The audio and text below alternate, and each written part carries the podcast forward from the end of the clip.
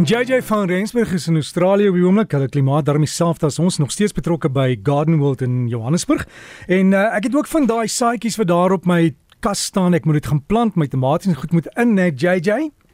Om jou eie plante van saad af te kweek is sekerlik een van die lekkerste aspekte van tuinmaak en om kwaliteitsaad soos van my vir te gebruik maak dit net soveel makliker. Ek sien hoe kan net gister 'n fantastiese nuwe skorsie variëteit wat my vir ons gebring het, die helder oranje kolientjie. Gaan kyk bietjie of jy dit op die rakke in die hande kan kry en dan plant jy dit sommer saam met daai saad wat jy nou daarso by die huis wil plant, Dirk.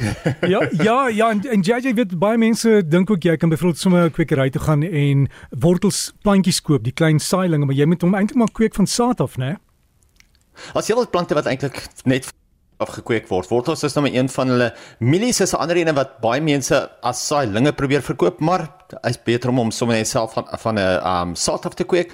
Boontjies, ertjies, al daai tipe van saailinge is net soveel makliker as jy sommer net kweek van jou eie saad af. So en dit is so dis dis letterlik soos ek nou net gesê het. As jy kwaliteitsaad gebruik van 'n uh maatskappy wat eintlik baie bekend is vir hulle kwaliteit soos Myford, dan weet jy jy gaan baie meer suksesvol daarmee wees en dit gaan eintlik soveel makliker vir jou wees. Lekkerder om dit wel te kan saai en te weet dat dit opkom en te weet dat dit wat jy gesaai het wel vir jou jou plantjies gaan gee op die einde van die dag. En JJ wat mense moet doen, so, ekskuus, jy jy moet net 'n merk wat jy geplant het waar en jy koop mos hierdie wit plaatjies wat jy met 'n permanente merker kan skryf, want mense vergeet.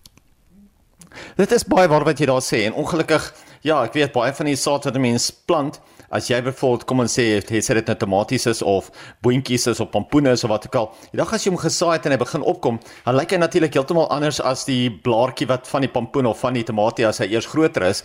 En dan sal baie mense verward wees met wat hulle gesaai het wat eintlik daar met bly en wat eintlik onkruide is. So ja, dan dan dan dan gee hom net daai bietjie kans het om bietjie groter te word voordat jy begin um onkruide uithaal dat jy nou nie die plantjies uithaal wat jy eintlik daar wil hê nie. Maar jy het 'n lys van dinge wat ons moet doen daar, JJ? Ah, as jy dit jy het gesê jy gaan nou saad saai hierdie naweek, maar dit is so 'n lekker tyd van die jaar waar alles net begin blom. Ja, ek weet die weer is deesdae lekker die mekaar. Mense voel asof ons alweer die lente vrygespring het. Ek weet dit was 'n paar dae baie warm geweest in die week al klaar veral in die binneland. maar as jy jou lentetuin nou as jy lentetuin nou uit sy naaldheid bars met blomme, moet jy nou twee goed onthou en dit is nou maklik, water en voeding. Nou vir gewone blaargroei As jy nuwe blare wil hê of as jy die blare wil aanwakker in jou tuin vir al hierdie tyd van die jaar, kan jy 'n 713 gebruik wat hoog is in stikstof. Maar onthou ja vir blomme wat ons uit hierdie tyd van die jaar graag wil hê, gebruik ons kalium. Nou mense hoef nie altyd kalium net in korrelvorm te gebruik in die ehm um, wat mense gewoonlik kry in die formulasies van jou 815 of jou 315 nie. Maar 'n mens kan ook die oplosbare 316 op jou plante uitwater. So onthou nou, Uh veral met jou saailing en so 'n plante wat jy wil hê wat baie vinniger op die kalium moet reageer, is dit altyd beter om 'n vloeibare kalium toe te dien of 'n oplosbare kalium toe te dien en dan op jou plante uit te water. Natuurlik moet ons ook genoegsame water toedien wat die blomme net so mooi gaan hou vir so lank as moontlik. Onthou, jou blomme het nou daai water nodig en as jou tuin nou skielik gaan droog word, dan gaan jou plante ongelukkig die blomme baie vinnig speen. So probeer om jou plante, jou blomme so lank as oh, so goed as moontlik nat te maak, so deeglik as moontlik nat te maak sodat dit so lekker lank as moontlik nat kan bly en dat jou blomme vir so lank as moontlik kan blom. Nou een van die plante wat ons as Suid-Afrikaners op die wêreldkaart gesit het en wat ons baie trots maak en op oomblik vol vol in blom is, is natuurlik die Clivia miniata variëteite. Nou daar is verskeie Clivia skoue aan reg oor die land hierdie naweek, so daar's ons nie net twee uh, een ander goeie ding wat gebeur naamlik die wêreldbeker se begin nie rugby wêreldbeker se begin nie maar ook die Clivia skoue.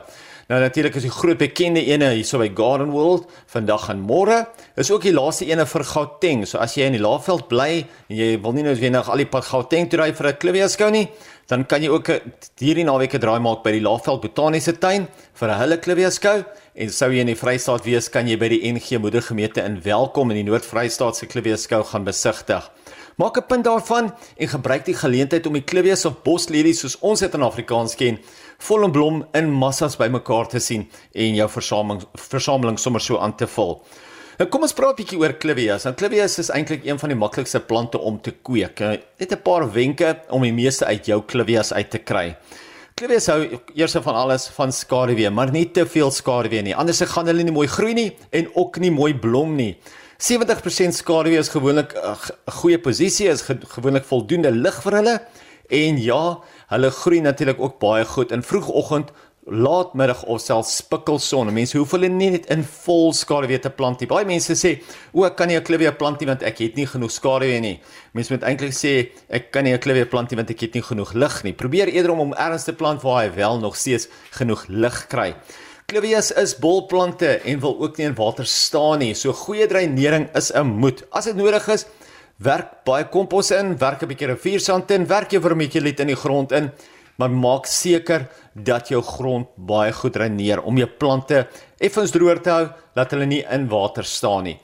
Klippe sal ook eers begin blom as hulle volwasse is en dit gebeur gewoonlik op die vroegste na so 3 jaar maar kan mak maklik tot en met 5 jaar neem. Nou dis gewoonlik waar mense die blare tel en dit is gewoonlik wanneer daar 12 stelle blare op die plante is wat jy dan weet my plant is nou volwasse, hy gaan nou begin blom.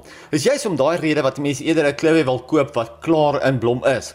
Want dan kan jy amper verseker wees van jou blomme elke van vir nou en natuurlik vir elke ander jaar. Wat ek daarvan hou om te doen is om altyd want jou plante wat in blom is is gewoonlik groter en duurder as jou kleiner plante of as as jou kleiner saailinge. Ek hou daarvan om 'n paar groter plante in te sit wat klaar vir my kleur gaan gee en dan 'n paar saailinge saam met dit te plant wat natuurlik beter op die sak is en dan oor 'n paar jaar vir jou hele bedding vol kleur gaan gee.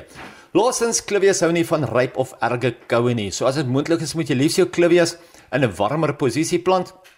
Ek weet as jy byvoorbeeld langs 'n uh, koue rivier bly of 'n koue dam bly of as jy ergens bly waar dit baie koud is, kan jy letterlik die klivies agter 'n muur plant en gewoonlik is net daai bedekking of die beskerming van die muur af of of digte immergroen struike af genoeg beskerming vir die plant om eintlik dan te kan oorleef. Jy sal vind dat plantemense dit aan die verkeerde kant van die koue plante of van van die koue weer gaan 'n mens ongelukkig eh, die plante verloor, maar plant jy dit net aan die agterkant sodat dit daai bietjie beskutting kry, dan gaan jou clivias definitief baie beter groei.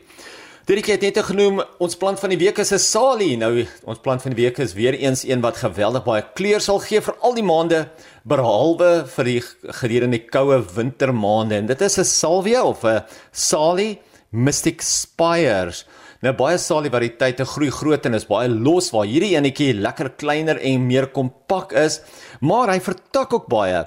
En natuurlik elke vertakking vorm ook weer baie blomme. Blomme is so blou pers van kleur. Die meeste salies kan as mens kyk na uh meeste salies kan uh, hierdie ene ook net soos hulle baie hitte hanteer. Maar onthou hy sal wel terugvrek wanneer daar baie ryp is, dan sny mense hom gewoonlik terug en dan kom hy weer terug vir jou in die nuwe seisoen of in die in die lente. 'n Mens plant hom in die volson vir die meeste blomme, maar gaan kyk bietjie uit veral vir hierdie nuwe variëteit, die Salvia Mystic Spires wat pragtige donker persblou kleur is.